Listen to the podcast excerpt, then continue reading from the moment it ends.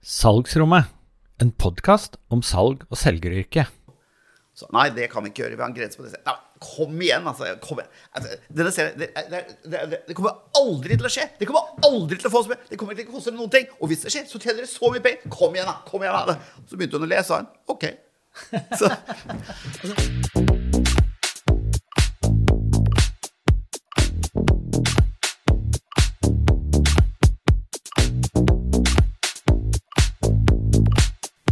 Da kan vi ønske velkommen til nok en episode av podkasten Salgsrommet. En podkast om salg og selgeryrket.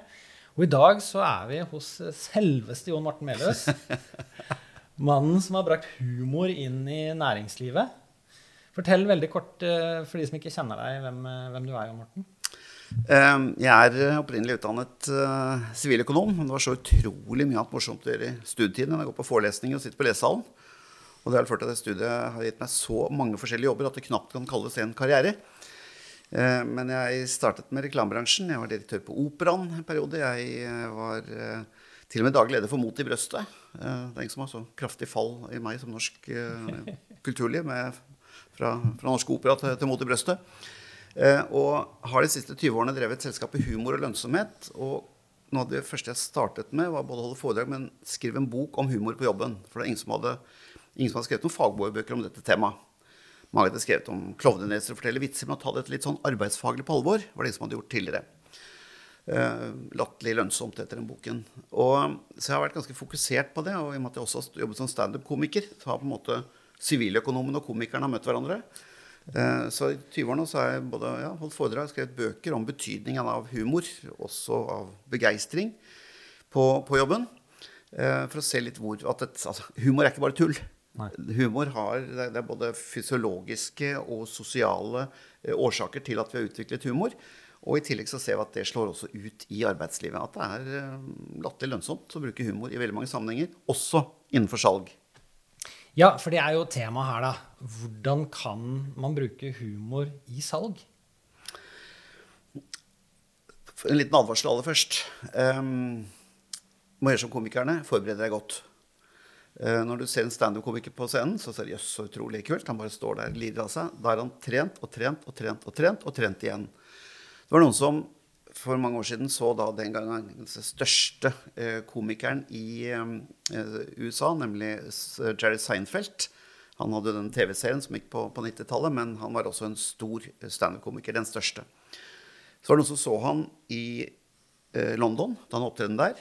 Og så så de han noen dager senere i Globen i Stockholm. Og det var ikke ett eneste ord som var forskjellig. Alt var, men Det så ut som han bare kom på det i øyeblikket. Men det er trent inn og trent inn og trent inn. Hvis en standup-komiker har laget 20 minutter med nytt stoff, så går han og trener. Det gjør vi også her i Oslo. Trener man. Og så viser det at du kan bare bruke 8-9, kanskje 7-8 av de minuttene, for publikum syns ikke det var noe gøy. Det du trodde var gøy. Men du har altså trent og trent og trent. Og vær godt forberedt når du går på scenen, så vet du at du vil, det er 95 sannsynlighet for at du treffer med det aller meste du gjør. Så du har altså forberedt deg. Og det må man gjøre da med salg også, hvis man har tenkt å prøve med litt morsomme ting. Um, så, så det er liksom den ene, ene biten av det. Og um, så er det den del ting du ikke skal gjøre. Du skal bruke humor i, på jobben. Og det har med rasisme, med kjønn, med sex, altså sånne ting. Hold deg borte fra alle ting som religion. Hold deg borte fra det. Det er stor sannsynlighet for at du bommer, er at det sitter noen i lokalet som kan reagere. Og vi lever jo i en krenketid også, hvor folk er dobbelt så følsomme som de var for 15-20 år siden. Så vi skal være ekstra forsiktige med det. Så du må passe på å bruke inkluderende humor. Eh, Vi skiller gjerne med det som er sunn og usunn humor. Den eh, usunne humoren det er ironien, sarkasmen, parodien og satiren. Da ler du av andre. Så vil kanskje noen av dere som sitter og hører på nå, tenke at jo, men vi driver med litt sånn satire eller sarkasme og ironi mot hverandre. Og det kan du godt gjøre, men da skal du, da skal du kjenne hverandre godt. Fordi vi har alle noen områder som det er helt ålreit å fleipe med, så andre er mer følsomme på.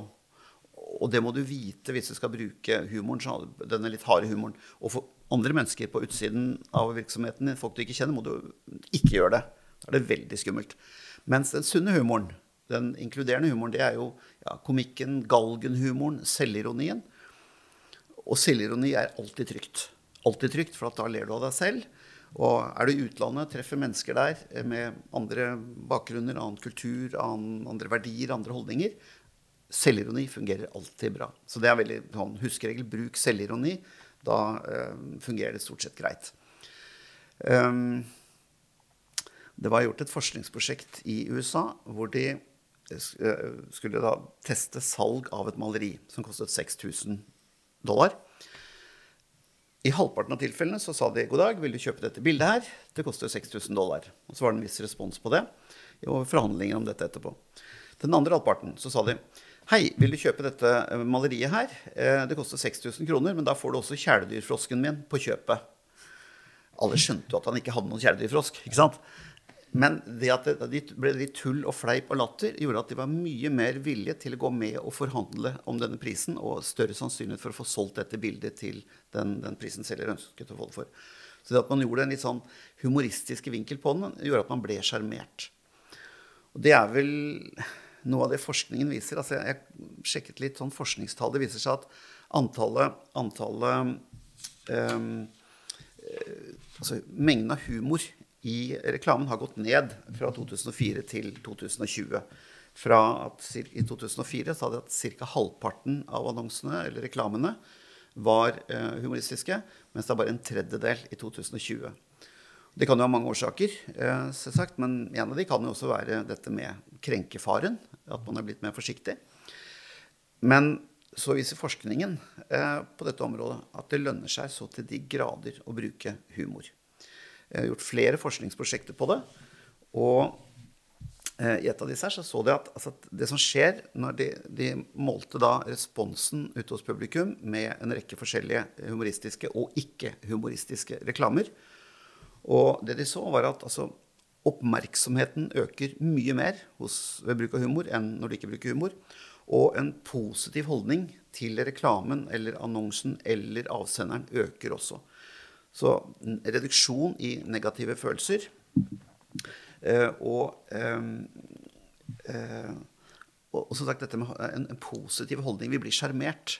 Så må det sies, det er jo både vellykket og ikke så vellykket bruk av humor i reklamen. Når det er mislykket, så er det jo ikke noe gøy i det hele tatt. Da virker det antakeligvis verre enn om de ikke hadde gjort det. Men vi forutsetter her at det er uh, vellykket uh, uh, bruk av humor. Så de var liksom helt entydige på, på det.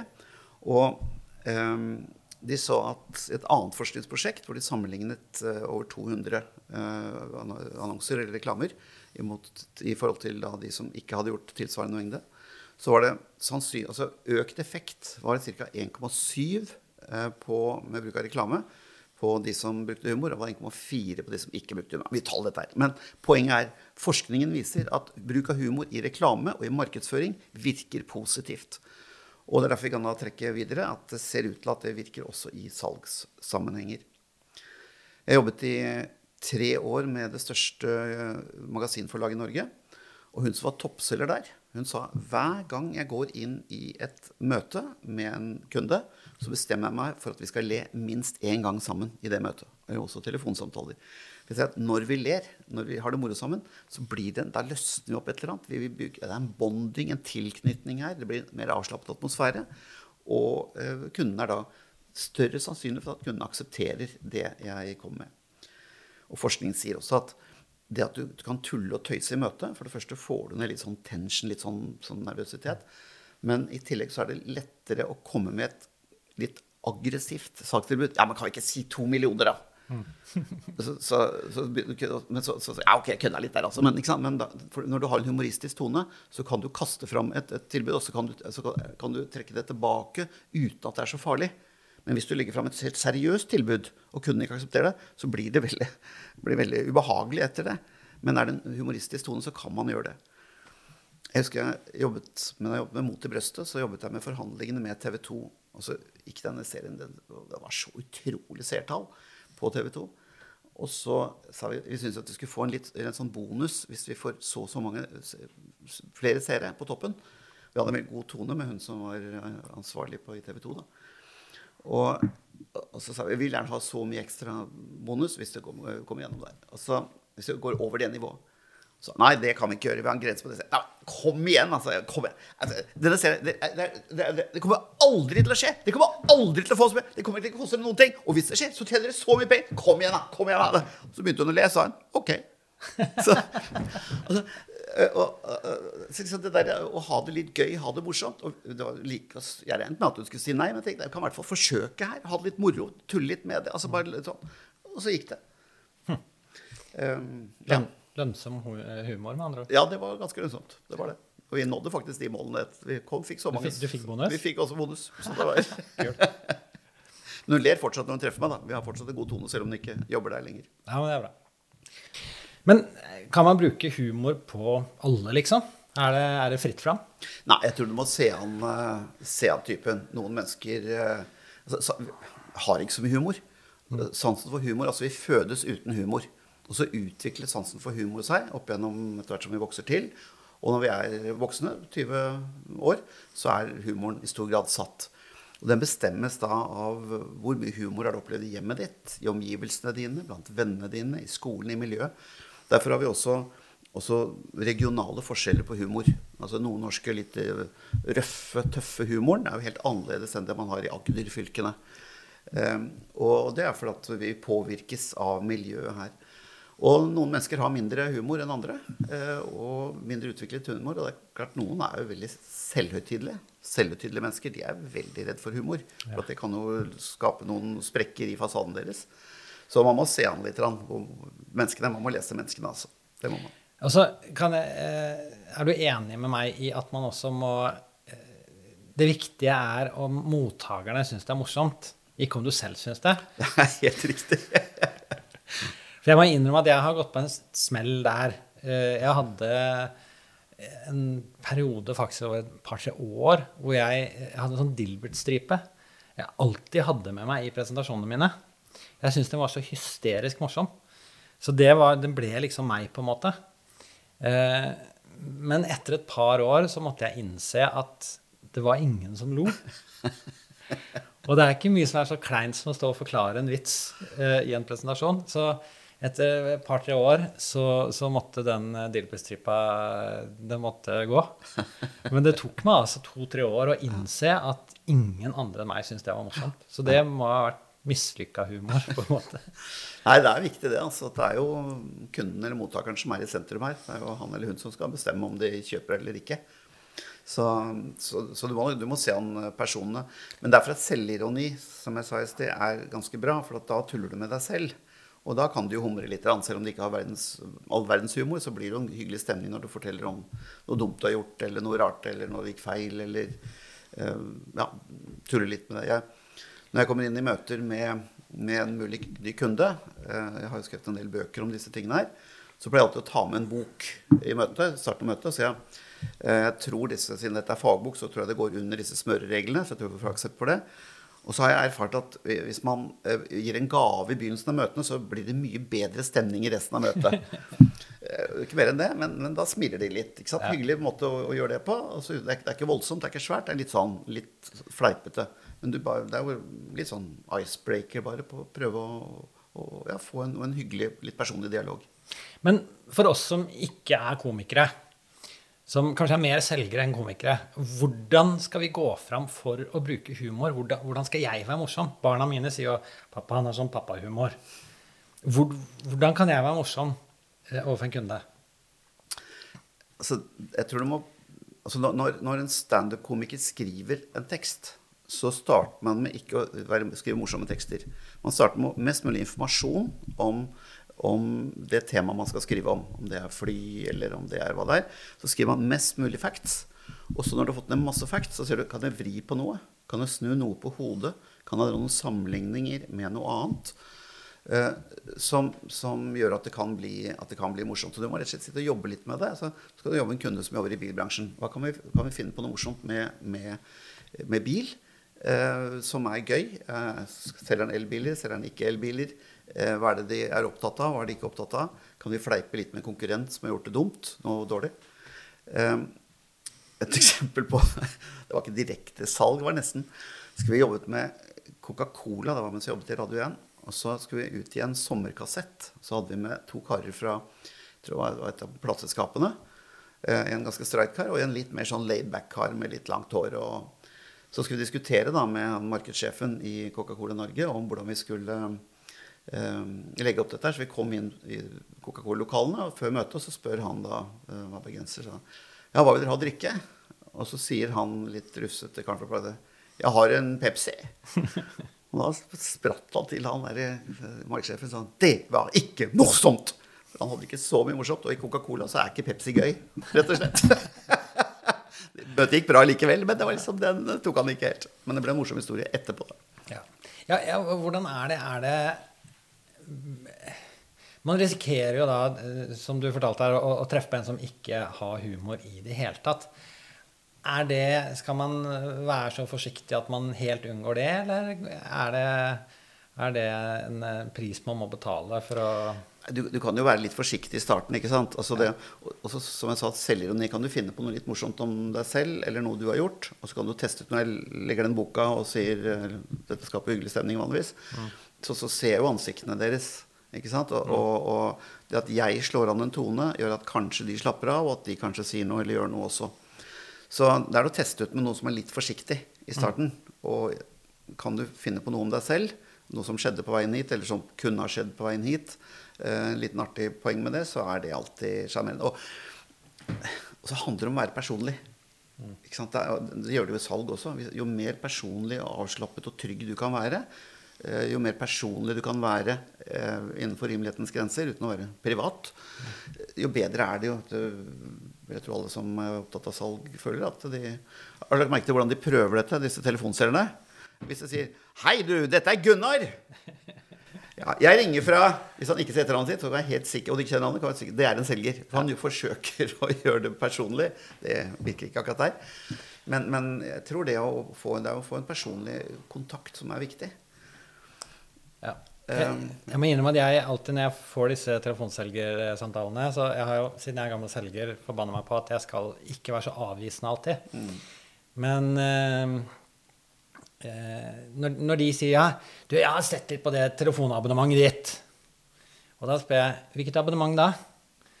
Og da blir det ofte veldig sånn det, det, ja, Altså, det du har. Hvilket har du? Ja, ikke sant. En venn, en venn av meg, han for at mange som telefonselgere Dette er dårlig gjort mot dere som driver telefonsalg, men allikevel. Men han, de fleste sitter og ringer fra en liste, ikke sant? og det er ganske mange de ringer i løpet av dagen. Og når folk ringte han og skjønte at det var telefonstyr, sa Nei, men du ringte meg i sted, du. Gjorde det? Ja. ja unnskyld, unnskyld. Liksom. De hadde ikke gjort det. Så, men, um, men, det, men, det, er tøff jobb. Altså telefonsalg, ikke sant. Du, du får nei, nei, nei, nei. Men jeg, innimellom så, så, så, slår jeg jo til. Jeg har mm. kjøpt telefonabonnement, jeg, eller, eller strømabonnement, eller hjulpet uh, blindehunder. Mm. Riktige, så du må jo bare holde på. Når du treffer noen som er i det riktige moduset, eller det, du klarer å få riktig vinkel på det, så, um, så, så slår det jo til. Ja, og så syns jeg det er stor forskjell på gode og dårlige telefonselgere. Jeg hadde en opplevelse en gang. Eh, det var en ung, fersk telefonselger. Han, han gjorde mange feil, men han var så god. Ja. Og jeg var så lei meg for ikke jeg kunne kjøpe han. For jeg hadde virkelig lyst til å belønne han med et salg, for han var så god. Men jeg har hatt samme telefonabonnement siden 1997, så eh, jeg er ikke i markedet for det. Men, eh, men eh, jeg, jeg syns det er stor forskjell på Og det er sikkert som, som med komikere og med humor også, at det er forskjell på, på gode og dårlige eh, humorister. Men en annen ting som, som, jeg har tenkt litt på, det er Jeg bruker av og til når jeg holder foredrag, eh, eksempelet at når, du, når, du, enten du driver med salg eller hva det du gjør, så, så har vi mye å lære av standup-komikere. Fordi som du sa i stad, når, når, du står, sitter og ser på en, en, forestilling, så ser det helt casual ut. Det, det ser ut som, som liksom, her drar de opp den ene vitsen etter den andre på løpende bånd. Men så ligger det veldig mye jobb bak veldig mange vitser som ikke var morsomme, som ikke kom med. Mange vitser som jeg jobba med, som jeg endra på. Eh, og timing og alt dette her, det er, eh, det er eh, tima tilrettelagt. Det er innøvd. Det er Og vi selgere vi har det jo med å kanskje ta ting litt på hælen og være litt, og særlig når du har jobba med det en stund. Hva vil du si selgere kan lære av måten dere som jobber med humor, jobber på?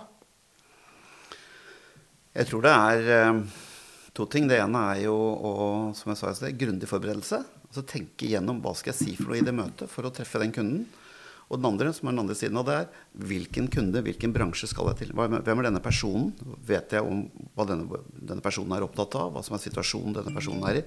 Vet jeg om hvordan denne, denne um, hvilken posisjon denne selgeren har, eller kjøperen, potensielle kjøperen har i organisasjonen. Er det han eller hun som kan ta beslutninger? Eh, jo mer jeg vet om den personen, jo større sannsynlighet er det jo for at jeg treffer eh, når jeg skal bruke argumentene mine. Noen skal jo kjøpe for å unngå problemer, for å løse et problem. Andre skal, går det kjempebra. De vil bare det skal fungere enda bedre ved å gjøre dette. Telefonselgerne skal stort sett spare penger for oss. Så vil de få de ringe og si at vi har mye bedre systemer enn de andre. Vi kan løse sånn og sånn. Ingen som forteller meg. Jeg er jo som deg opptatt av teknologi. Mm. Så kan, vi har et system det kan gjøre helt nye ting som du ikke F.eks. kan vi Ok, det vil jeg gjerne høre mer om. Mm. Så at vi vet hva som er kundens målsetting. Um, så jeg ser jo ofte at de som ringer meg, de Jeg holder veldig mye workshops da, for ledere og medarbeidere om hvordan man kan skape mer energi, mer begeistring, mer entusiasme, mer humor på jobben. Og de har gjerne vært gjennom en eller annen litt trøblete periode. Etter pandemien så ser veldig mange at da, nå har det vært tøft her. Folk er lei, de er deppa, vi er litt slitne. Vi er kommet tilbake igjen nå, men, men, men vi trenger en, en, en, upper. Litt energi. Eh, så, så, mange av de har jo at det har vært en tøff periode, eller de skal inn i en tøff periode. Eller kanskje det er omorganiseringer. Og da må jeg vite det før jeg treffer forsamlingen. Jeg bruker alltid bruker alltid en, en, en eh, ganske grundig samtale med kundene før jeg går inn til dem, før jeg skal møte alle medarbeiderne, for å skjønne hva er det de er opptatt av. For Hvis jeg kommer og snakker om at det er viktig å ha det gøy på jobben og det moro, og så sitter folk som er i ferd med å bli sagt opp, det må jeg vite. Ja. Ikke sant? At dere, nå er det tøft her. Det er usikre tider. Da, da må vi passe på hverandre. Da må vi, må vi ha det hyggelig, passe på hverandre, ha det moro sammen. Være inkluderende. Så snakker jeg mye om, om det. Ikke sant? I motsetning hvis det bare er go, go, go, alt går fint, så er det en annen vinkel. Så det er å være forberedt da, på hva kundene er, er opptatt av. Så um, forberedelse og, og, og i forhold til hva du skal si og hvordan du skal kjøre møtet. Og forberedelse i forhold til å vite mest mulig om kunden og mottakeren. Bør vi teste ut vitsene på andre først? før vi... Det er veldig lurt. Det er veldig lurt. Da jeg jobbet i reklamebransjen, så når vi hadde en store presentasjoner, så hadde vi først en, det vi kalte det critical board. Da presenterte vi for kollegaene våre først, akkurat sånn som vi skulle gjøre i møtet. Og så ble det plukket fra hverandre etterpå. Og så forbedret vi og justerte før vi skulle inn i det store møtet. Og jeg, jeg arbeidslivet er det jo forbausende lite trening. Mm. Altså Du som er jobbet i fotballen, vet jo at uh, de trener og trener og trener på å ta hjørnespark og uh, alle, alle, former for, for, for uh, situasjoner de skal skje i, på banen. Men i arbeidslivet er det lite trening. altså. Overraskende mm. lite trening på situasjoner de kommer inn i, både internt i forhold til den vanskelige samtalen med en kollega som kanskje sliter litt, i forhold til når lederne kommer og skal ha et allmannamøte og snakke for medarbeiderne om kanskje det er vanskelige ting de skal presentere, så er det jeg tror, slurvete forberedelser. Um, det, det, er, nesten litt rart, fordi vi vet Steve Jobs han var jo notorisk på å terpe og terpe og terpe og terpe på den derre tilsynelatende spontane Å, forresten, jeg har én ting til. Ikke sant? iPhone. ja, Men det var jo så gjennomøvd. Og det samme ser vi Jeg kjenner flere som er superdyktige foredragsholdere. Og de også sier jo det at de står hjemme og øver mm. før de, mm. før de uh, skal på scenen. Og da er, burde det ikke være så rart for alle oss andre som ikke er best i verden i, i noe, men som er liksom nest best, at vi kan at vi øver litt til Og samme da med humor. Jeg er redd det kommer til å gå hardt utover barna mine. da. Det er fare for det, naturligvis. Og det er ikke sikkert de nødvendigvis er den beste rådgiveren heller. Så. Men bare i forhold til uh, omgivelsene er litt forskjellige. Noen jobber jo da uh, alene. Men hvis man jobber i en organisasjon, så tror jeg det er også viktig at uh, holdningen, tonen, kulturen der også er vennlig, hyggelig, morsom dette velkjente uttrykket uh, salg er 'the transfer of emotions'. Mm. Og hva betyr det? Det betyr at min entusiasme splitter på deg. Hvis jeg kommer fra et kontor hvor vi bare er sure og lei og triste, og så skal jeg gå ut og Det er jo ikke sånn det er. Du klarer ikke å se om så Det at vi har en hyggelig tone sammen, passer på hverandre, har det gøy sammen, det øker sannsynligheten for at når en kunde ringer jeg skal ut til kundemøte, så går jeg inn med en god, positiv møte. Istedenfor om jeg har blitt dårlig behandla eller fått en ubehagelig bemerkning rett før jeg skal inn i kundemøtet, kundemøte, så vil jeg jo være mindre eh, positiv i det møtet. Ha mindre positiv ballast med meg. Så, også eh, kulturelt. Jeg jobber jo med en del salgsorganisasjoner. Og det, det å passe på at vi har det gøy sammen. Hvis man er flere sammen og jobber, så er det utrolig viktig. For det gir hverandre energi til å møte de, de eh, kundene vi skal treffe. Og etter at du kommer tilbake fra et kundemøte, at du kan tulle og fleipe. Selvsagt hvis det gikk bra, men også hvis det gikk dårlig. eh, At du liksom kan, kan ha litt galgenhumor, litt fleip, altså få ut litt steam da, for frustrasjonen din av at denne kunden bare ikke ville. At du kan få lov til å tulle og tøyse og tømme deg litt. Og, og, og, og ja, latterliggjøre litt den situasjonen du var inne i, kanskje. Og få ledd litt sammen med kollegaene. Og at kollegaene dine kan le av det, og le sammen med deg av det også.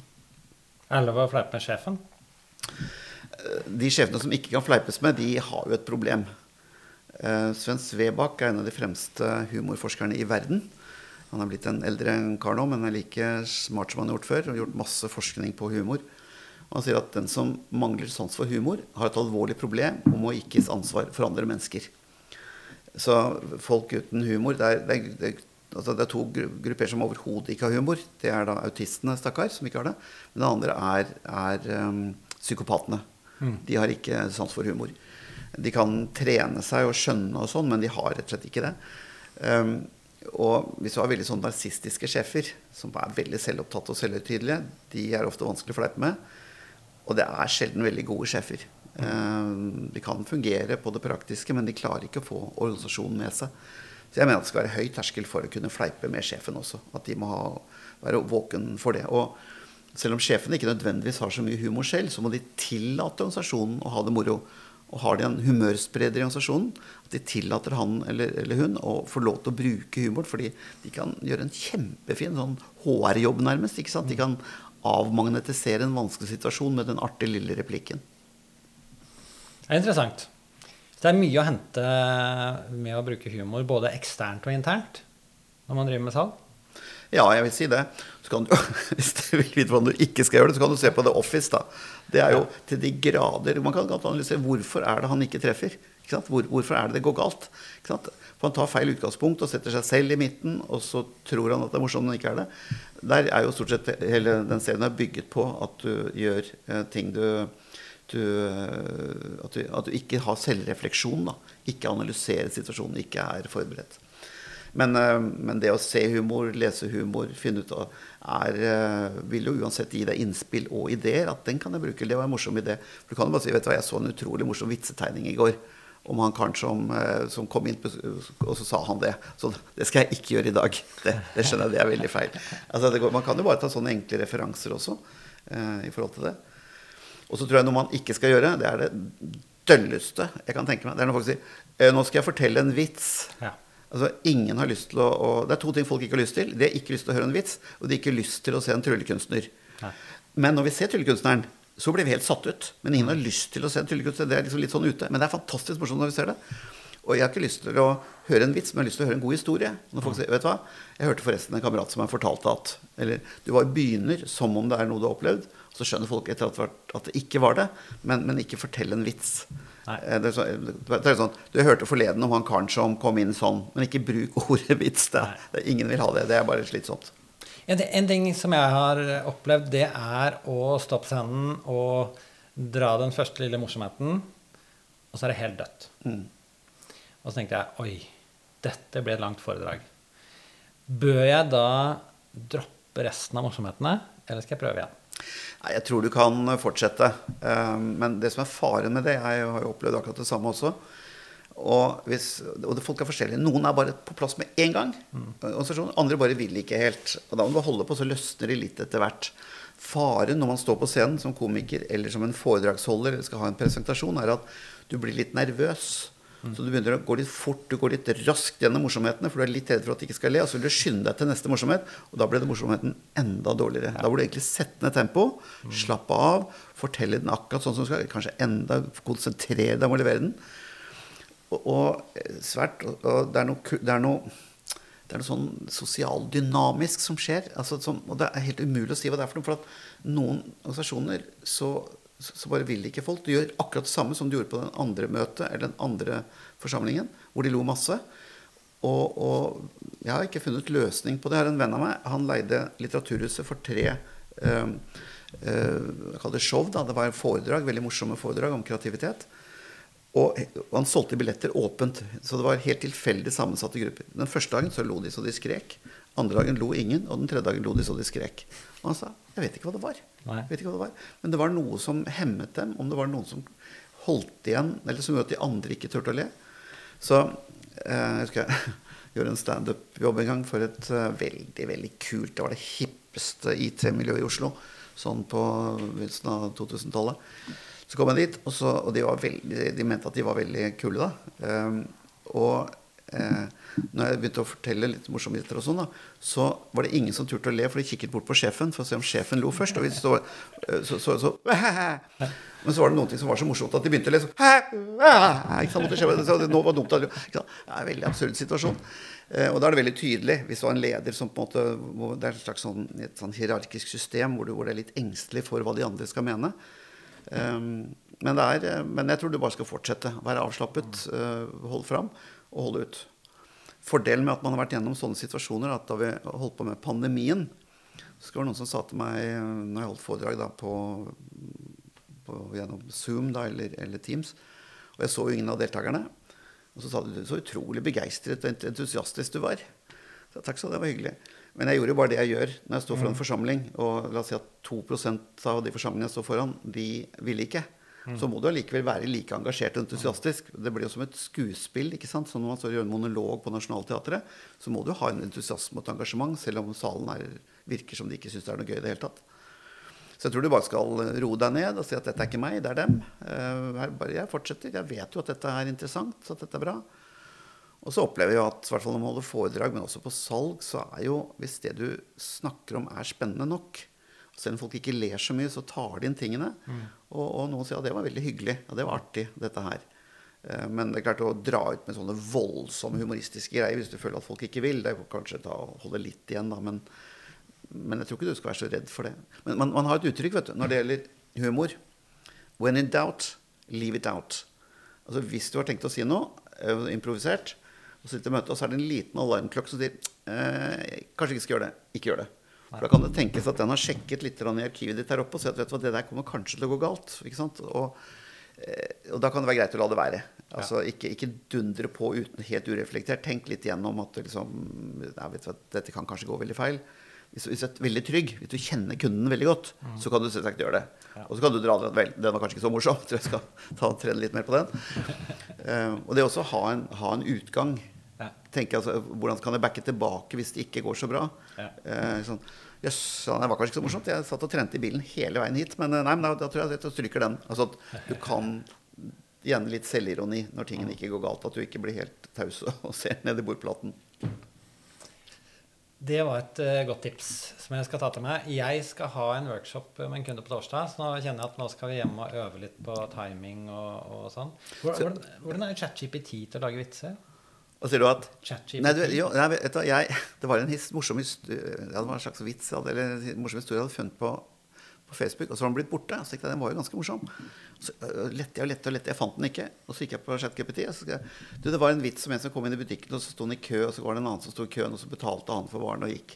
Og så, bare, så kom hele den vitsen, gitt. Ja, så han klarte å finne den. Men, men da hadde jeg Jeg hadde ikke bedt han å lage en vits, da. Men da hadde han, hadde han ChatGPT klarte å finne ut hvilken det sannsynligvis var, da, for den var vel en, tydeligvis en, en klassiker. Ja, nei, jeg skal i hvert fall eh, holde workshop på torsdag, så da skal det forberedes og times. Sånn at- Jo, timing, vet, Skal du høre en klassisk Dette er både en skuespiller og Dette er en vits. Eh, skuespiller og standup-vits. Nå, nå spør, eh, spør du først meg hva driver du med, Morten? Og så kommer jeg til å svare standup-komiker. Og når jeg sier det, så sier du hva er det vanskeligste med å være standup-komiker? Så driver du med? Standup-komiker. Hva er det vanskeligste å være standup-komiker? Hva driver du med, Morten? Jeg er standup-komiker. Ja, hva er det vanskeligste? Timing! Timing, dere. Timing, Og det må du trene på. Det må du trene på. Ja, ja det var godt. godt. Vel, tusen takk skal du ha for masse gode tips. Eh, så håper jeg at eh, jeg eh, tar det i hvert fall til meg og skal bli eh, litt mer humoristisk når jeg møter kunder. Og så håper jeg at eh, dere også har lært litt og fått litt inspirasjon. Så da sier vi takk for nå for denne gang, og så dukker vi plutselig opp igjen med en eh, ny episode av Salgsrom.